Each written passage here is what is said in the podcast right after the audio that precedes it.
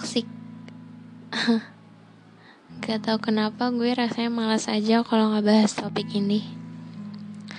Entah karena emang males buat dijelasin Males buat didengerin Atau emang karena males buat dibahas.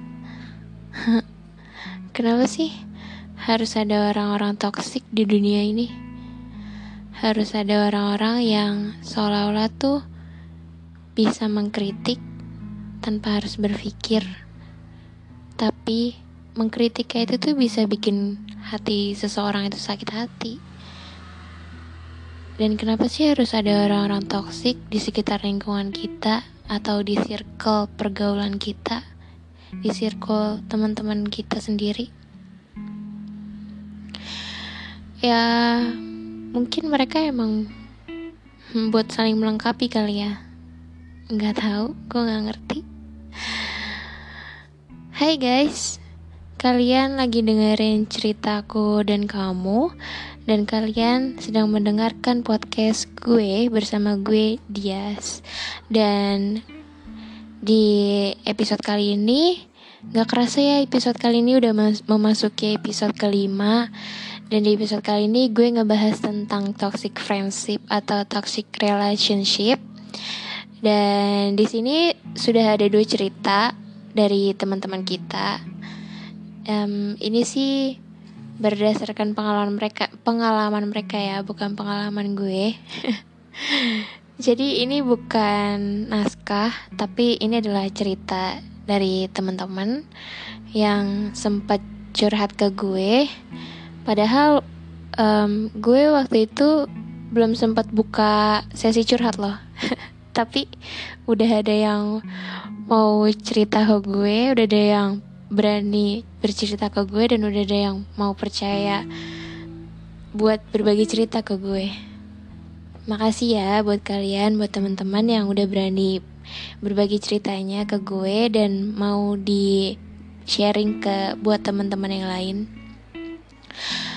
Oke daripada menunggu lama langsung aja yuk kita mulai podcastnya. Halo Dias, aku Arin. Nama yang sudah aku samarkan sebelumnya. Aku umurnya 21 tahun dan lagi ngalamin hal yang kurang menyenangkan.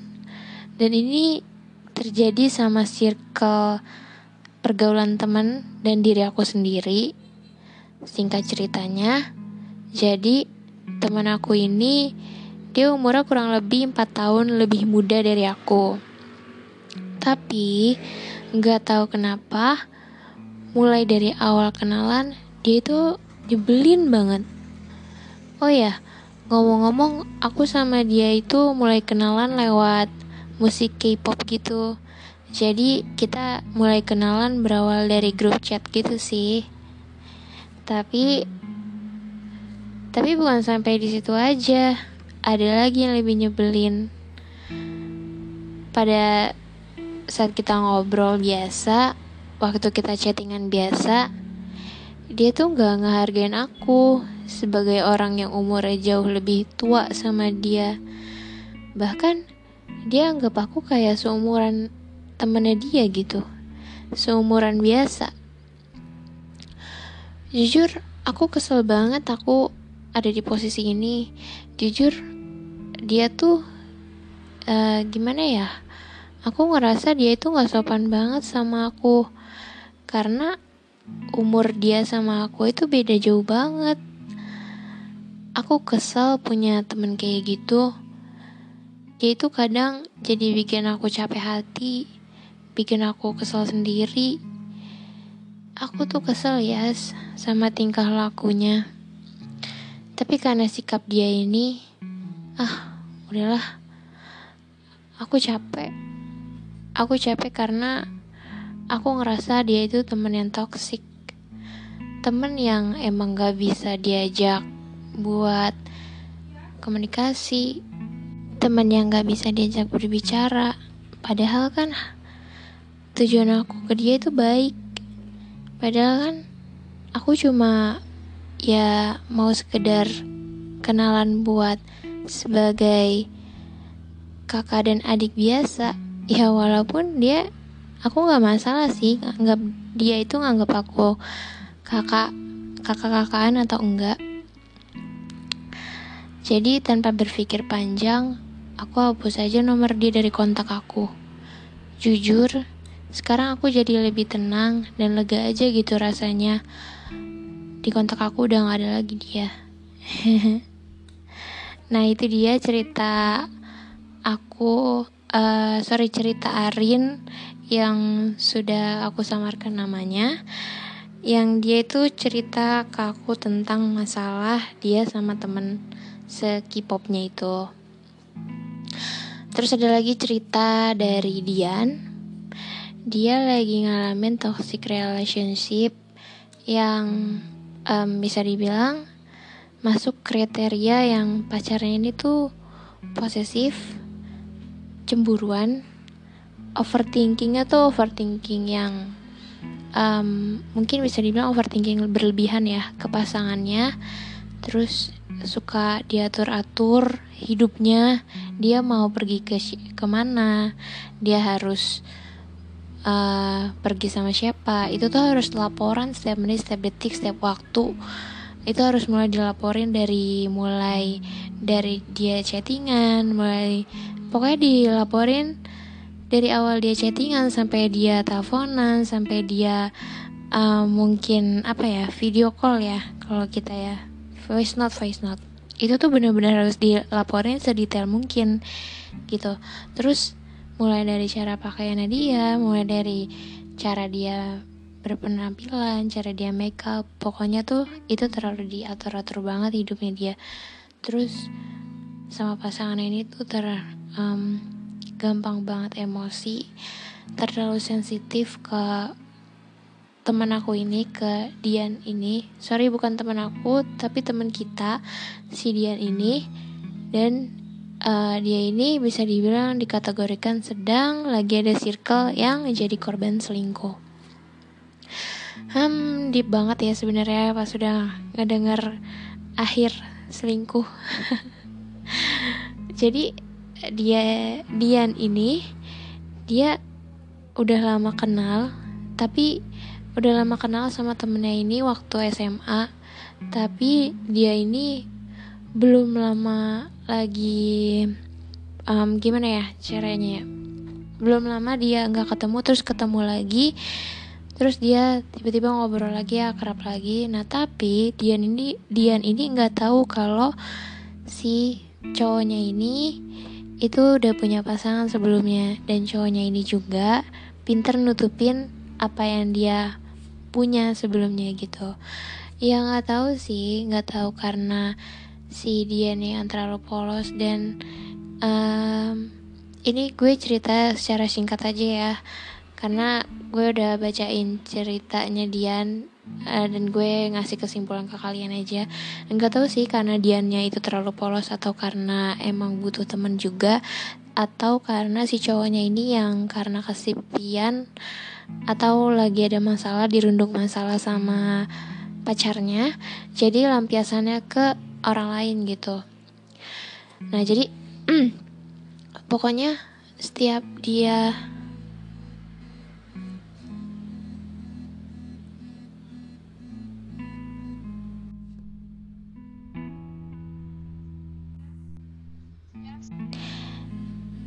Ya terus karena berawal dari situasi dia yang nggak tahu karena dia emang lagi jadi korban selingkuh jadi dia ya santai-santai aja gitu ngejalanin hubungannya. Kayak ya udah biasa aja. Let it, let it flow aja gitu. Kayak nggak ada apa-apa.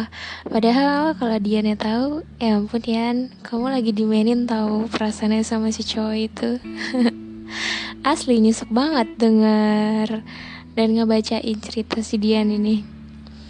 Um, dia itu pokoknya kalau pergi jalan ketemuan sama cowoknya ini. Dia tuh selalu dibanding bandingin dan selalu di apa ya uh, bisa dibilang selalu di enggak pernah dipandang baik gitu sama si cowoknya ini. Dibanding bandingin sama si pacar yang pertama ini gitu. Ya ya namanya kan selingkuhan ya. Tapi nggak tahu deh karena gue belum pernah ngerasain sih rasanya jadi korban selingkuh. Jujur gue belum pernah ngerasain rasanya gimana. Terus um, jadi kak aku tuh capek banget sama dia karena dia tuh sering banget posesif sama aku cemburuan. Wajar dong ya kan kalau aku punya temen cowok nah dia um, awalnya aku emang gak sadar kak. Tapi tapi kayak nggak tahu kenapa dia tuh pokoknya posesif banget dan cemburuan. Dia nggak suka banget kalau aku jalan sama temen cowok aku. Padahal kan itu sama-sama temen sama-sama cuman kayak biasa aja gitu aku ke dia gitu.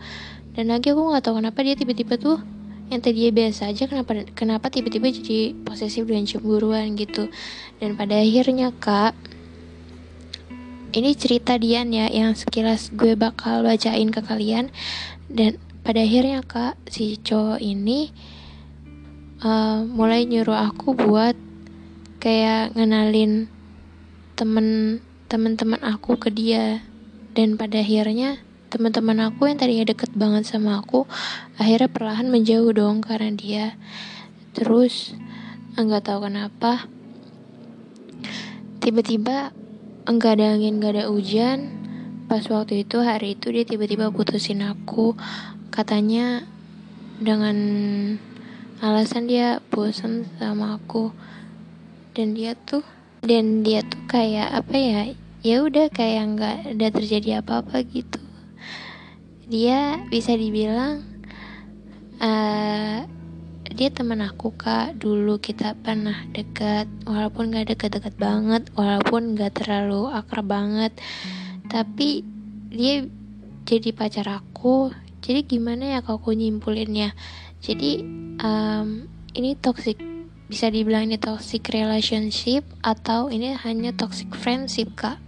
Hmm, karena aku yang jadi korban selingkuh yang jadi orang ketiganya dia um, karena ini juga nggak direncanain juga. Terus tiba-tiba ya udah dianya juga udah cuek sama aku. Dianya udah nggak mikirin aku lagi. Dianya udah kayak bodo amat lah gitu let it flow aja. Kayak dia nggak terjadi apa-apa. Dan dia juga bilang katanya udah bosen sama aku gara-gara ya mungkin ceweknya lebih apa ya aku nggak tahu deh kak pokoknya gitu. Udah aku capek aja kalau aku ngomongin tentang toxic people. Ya ampun guys. Teman-teman ini tuh apa ya teman dari kedua cerita ini tuh dalam banget gitu. Serius deh asli. Nggak bohong. Jujur ini tuh uh, cerita dua cerita yang bikin gue apa ya bisa dibilang bingung sendiri bisa dibilang senyum-senyum sendiri bisa dibilang besok sih kalau didengerin kalau dibaca gitu kan.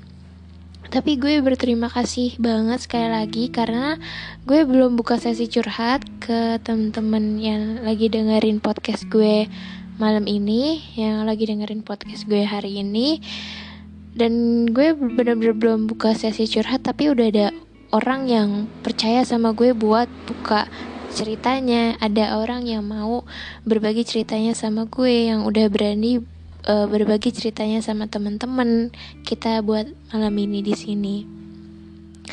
Dan bisa dibilang sih uh, cerita yang Arin sama Dian itu tuh lebih ke toxic friendship ya. Kalau Arin kan ke toxic friendship tapi kalau si Dian ini lebih kedua-duanya karena dia kan yang tadinya temen tapi jadi pacar. Terus uh, pacar ini toxic karena dia nggak tahu kalau dia itu jadi korban selingkuh kan. Dan jadi apa dibanding bandingin sama pacarnya gitu. Dan um, bisa dibilang itu nggak baik sih sebenarnya. Bisa dibilang kalau orang-orang toxic itu tuh sebenarnya enggak baik buat kita. Entah itu buat diri sendiri entah itu buat kesehatan mental kita entah itu buat fisik kita. Itu tuh orang-orang toksik itu emang nggak baik buat diri kita sendiri. Dan saran aku kalau orang-orang toksik kalau kalian nemuin orang toksik di circle pergaulan kalian atau di circle teman kalian itu sebaiknya kalian jauhin. Sebaiknya kalian hindarin. Um, bukannya gue ngajarin yang gak baik ya? Atau bukannya gue ngajarin hal-hal yang bisa bikin kalian ah nggak abis dengerin podcast gue terus kalian udah gue pengen join temen gue aja. Enggak enggak gitu. Tapi ya kalau misalnya itu dirasa teman kalian baik dirasa teman kalian yang bisa memberikan manfaat buat kalian yang enggak dikit-dikit ngehujat, dikit-dikit ngekritik, dikit-dikit tuh mencela, dikit-dikit menghina, dikit-dikit membuli. Itu kan termasuk toksik ya, termasuk yang meracuni alias yang bisa membunuh diri kita sendiri, membunuh harga diri, um, juga membunuh buat kesehatan mental kita yang bakalan tadi kita biasa aja sehat-sehat aja mental kita tiba-tiba jadi lelah capek aja gitu. Ya itu udah termasuk kamu tuh udah termasuk masuk ke lingkungan toxic people gitu. Toxic friendship teman-teman yang toxic gitu. Ya saran aku lebih baik sih dijauhin aja orang-orang kayak gitu. Karena jujur gue pengalaman gue punya pengalaman um, kalau dibilang punya peng, uh, setiap orang kalau dibilang punya pengalaman ada nggak sih orang toksik di lingkungan sekitar kita? Dibilang nggak ada itu pasti jawabnya bohong. Karena karena karena karena kalau setiap orang itu setiap kita berteman setiap kita bergaul setiap kita punya teman di lingkungan hidup kita, baik di sekolah, di kampus, di lingkungan rumah, ataupun di lingkungan kerja, lingkup mana pun, itu tuh selalu ada teman-teman yang toksik. Selalu ada orang-orang yang emang bawaannya tuh pengen buat kita tuh kesel mulu gitu. Maksudnya yang bisa bikin uh, orang itu kalau misalnya sama kita emang senang aja kalau misalnya kita jatuh gitu kayak dia tuh lebih senang ngekritik tapi dia nggak berpikir panjang gitu apa yang dia kritik ke kita gitu. Dia nggak mikir kalau misalnya kita tuh sakit hati atau enggak gitu. Itu kan termasuk orang yang toksik gitu.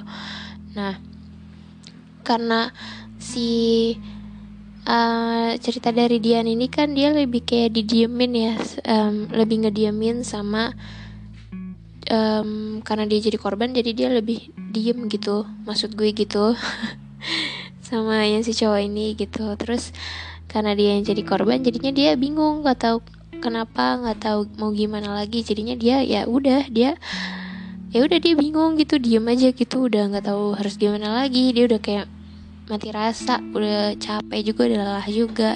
Udah mau nangis nggak bisa udah mau benar-benar lelah udah ya ya jadi kayak ya udah udah gitu aja udah udah selesai gitu. Um, kalau buat gue sih ya saran gue gitu aja.